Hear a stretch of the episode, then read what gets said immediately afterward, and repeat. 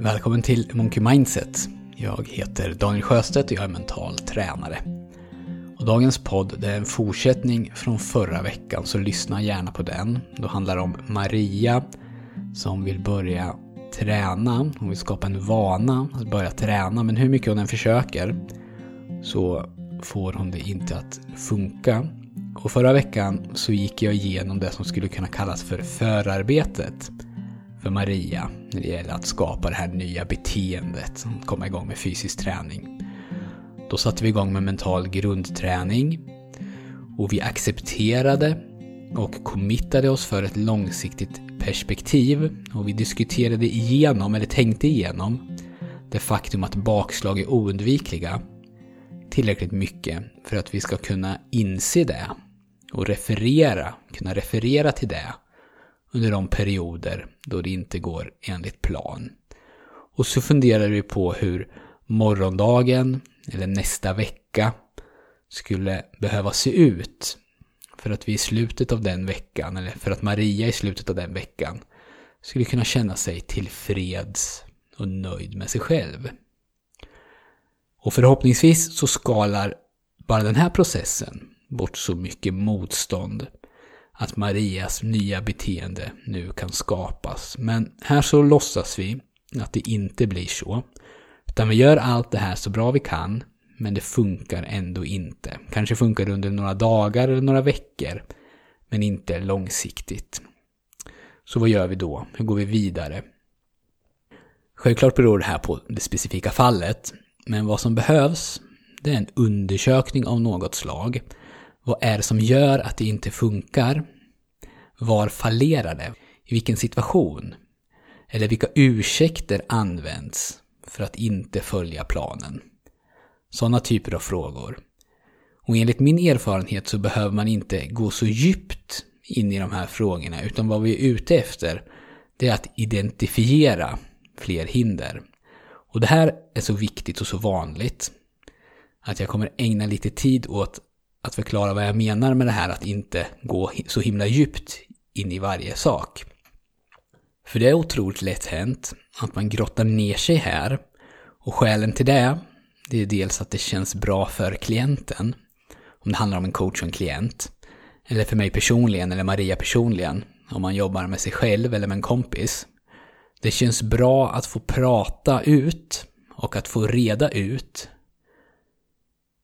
Och jag menar med det, om jag ska gå tillbaka till coachrollen, det är att jag till exempel då kan fråga att du säger att när du åker hem från jobbet så är du helt inställd på att följa planen och träna på kvällen. Men att någonting händer från det att du lämnar jobbet till det att du kommer hem och ska träna. Och då kan klienten svara ungefär så här. Att eh, ja, när jag åker hem från jobbet så är jag taggad, för då känner jag att jag har hela kvällen på mig. Och då vill jag verkligen göra någonting bra av resten av dagen. Men när jag är hemma så är det helt plötsligt så mycket att ta tag i. Så efter bara någon halvtimme känner jag mig helt dränerad. Och det finns hela tiden någonting att göra, så det är inte så att jag bara lägger mig i soffan. Och nu om man är en, vill vara en god kompis, eller en empatisk coach, så ber man klienten att berätta mer.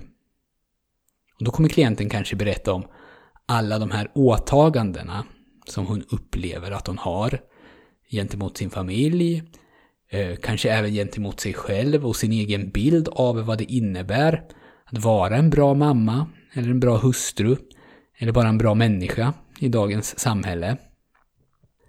Och coachen, eller vännen, undersöker vidare. Eh, du pratar om de här rollerna som du har. Och jag lägger märke till att du själv inte prioriteras i någon av de här rollerna. Och då svarar klienten, ja, kanske är det så. Börjar få lite insikt. Då frågar man, vad beror det på då, tror du?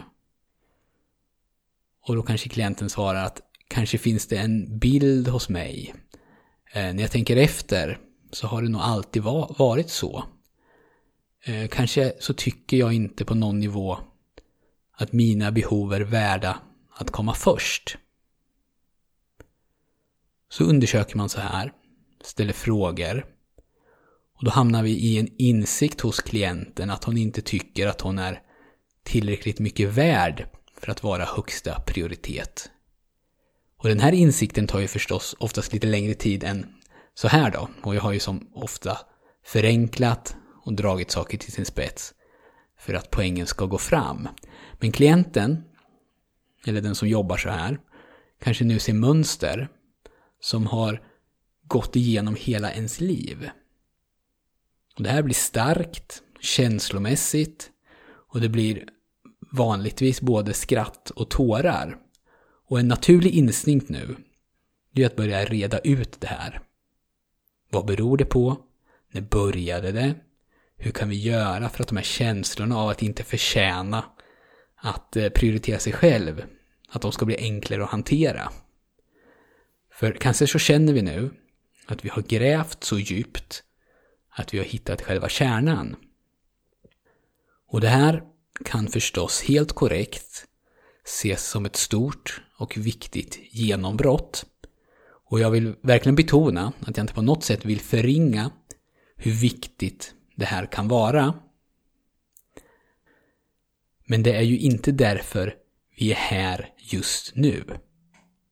Utan vi är här just nu för att vi vill ha ett beteende som vi vill skapa. Och hur mycket vi än försöker så lyckas vi inte. Så när klienten säger att hon är taggad när hon lämnar jobbet men känner sig dränerad efter en halvtimme efter hon har kommit hem så är vi noga med att inte fastna i de här underliggande känslorna som ju kan vara grunden för det här beteendet. Istället så kanske vi ställer den mer praktiska frågan. Vad skulle du kunna göra för att vara piggare klockan sex på kvällen? För även om vi som, som människor i många fall tror att de här tendenserna vi har, att göra vissa saker eller inte göra vissa saker, att de sitter så djupt i oss att vi behöver analysera det noggrant, så räcker det ibland, ofta, med att vi strävar efter att försätta oss i rätt tillstånd vid rätt tillfälle. Och i det här fallet så handlar det om då att vi känner, ser till så att vi känner oss någorlunda mätta, glada och utvilade när vi ska träna. Så att vi kommer iväg. Så istället för känslor fokuserar vi på praktiska saker. Och vad som kommer att följa då, det är en förhandling med dig själv. För att du vet ju vid det här laget att den dag som du har just nu, din normala vardag, den funkar ju inte för det här nya beteendet. Det har ju bevisats, bevisats gång på gång på gång. Så alltså behöver din vardag förändras. Och vad är du då beredd att förhandla med? Och här kan det vara till hjälp att börja sätta siffror för hur viktiga olika saker är. Bara för att förtydliga för sig själv. För den naturliga instinkten den är nämligen att nästan ingenting är förhandlingsbart. Det mesta som händer i mitt liv, det är en massa måsten. Så känner vi ofta. Jobbet, det ser vi ju som icke förhandlingsbart, troligtvis. Men är det verkligen det? Att ha ett jobb eller att ha en inkomst, det är ju för de allra flesta en nödvändighet. Men behöver du ha exakt det här jobbet? Och behöver det se ut på exakt det här sättet? Vad skulle hända till exempel om du gick ner på 80% för att få mer energi för att kunna träna? Instinktivt så tänker du nu att det går inte. Men varför går inte det? Har du undersökt det? Och när du kommer hem efter jobbet så finns det ju sysslor som behöver göras och de här känns ofta inte heller förhandlingsbara. Men vad skulle hända om du inte gjorde dem två dagar i veckan till exempel? Att du berättade för familjen att på tisdagar och torsdagar så kommer jag att hålla mina kvällar helt rena från sysslor. Då kommer jag hem, tar en tupplur på en halvtimme och sen går jag och tränar. Och ni får ta ansvar för att allt det som behöver göras då blir gjort. Min gissning är att det skulle gå bättre än du tror att göra så här. Och återigen så är mina exempel radikala, jag förstår ju det. Men det skulle kanske till och med kunna räcka med att man varje dag använder en halvtimme av sin lunchrast till att ta en tupplur. Det kanske skulle göra dig tillräckligt pigg, eller göra Maria tillräckligt pigg för att kunna komma iväg och träna. Eller att man slutar hjälpa till i sin sons fotbollslag. Någonting som visserligen är viktigt, som man vill göra, men sen om, som, när man sätter siffror på det visar sig vara mindre viktigt än att få en bra hälsa. Just nu i alla fall. Och när man öppnar upp så här och ser sånt som man alltid har sett som skrivet i sten som möjligt att förändra så kan det bli både inspirerande och roligt. Man inser att man kan påverka sin vardag mycket mer än man tror. Och samtidigt så är ju det här svårt. För det är ju svårt att prioritera. Betyder inte bara att man gör mer av sånt som man tycker är viktigt, utan det betyder också att man väljer bort sånt som man kanske vill göra. Och sånt som andra kanske förväntar sig att man gör. Och i mitt exempel så fastnade jag ju lite i att träningen skulle ske just efter jobbet. Men det är också möjligt att till exempel gå och lägga sig åtta varje kväll och sen träna mellan halv fem och halv sex på morgonen. Bara som exempel. Att hitta lösningar kräver ofta att man tänker lite utanför det normala. Och att man blir lite annorlunda om man gör så här, det hör ju till. För, att det, för det normala, i alla fall för väldigt många, det är att man har en livsstil där man jobbar så mycket, eller har så mycket att göra, att man varken har tid eller ork att göra de saker som man verkligen vill göra. Vilket i sig ju är lite underligt.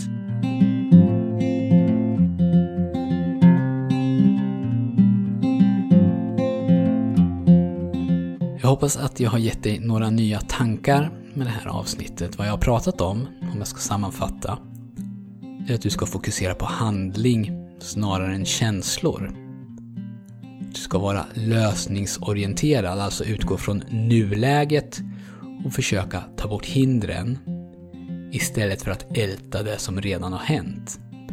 Och att du ska våga hitta egna lösningar. Allt är förhandlingsbart. Det enda som sätter stopp är din egna fantasi. Och när du går din egen väg så kommer du att göra det annorlunda mot de flesta andra. Kanske kommer du till och med ses som lite egen.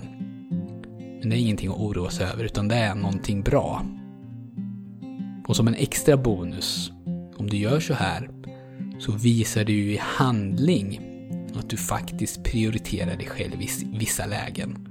Du visar i handling att dina behov är värda att komma först. Så den här knuten som du har, som kanske går långt tillbaka i tiden, som handlar om självkänsla och egenvärde och annat, den kommer också att börja lösas upp. Om du är nyfiken på mental träning så kan du få det som du behöver för att komma igång av mig. Det kostar ingenting. På min hemsida monkeymindset.se finns en röd ruta där du kan fylla i din e-mail och när du gör det så skickar jag dig ljudfiler och instruktioner som du kan börja träna med. Och lämna gärna en recension på iTunes. Det hjälper podden att växa och jag uppskattar varje recension som jag får. Och du är också hjärtligt välkommen att skicka frågor, feedback, tips på ämnen och annat direkt till mig. Min e-mail är daniel.monkeymindset.se Det var allt för den här gången. Tack för att du har lyssnat så hörs vi snart igen.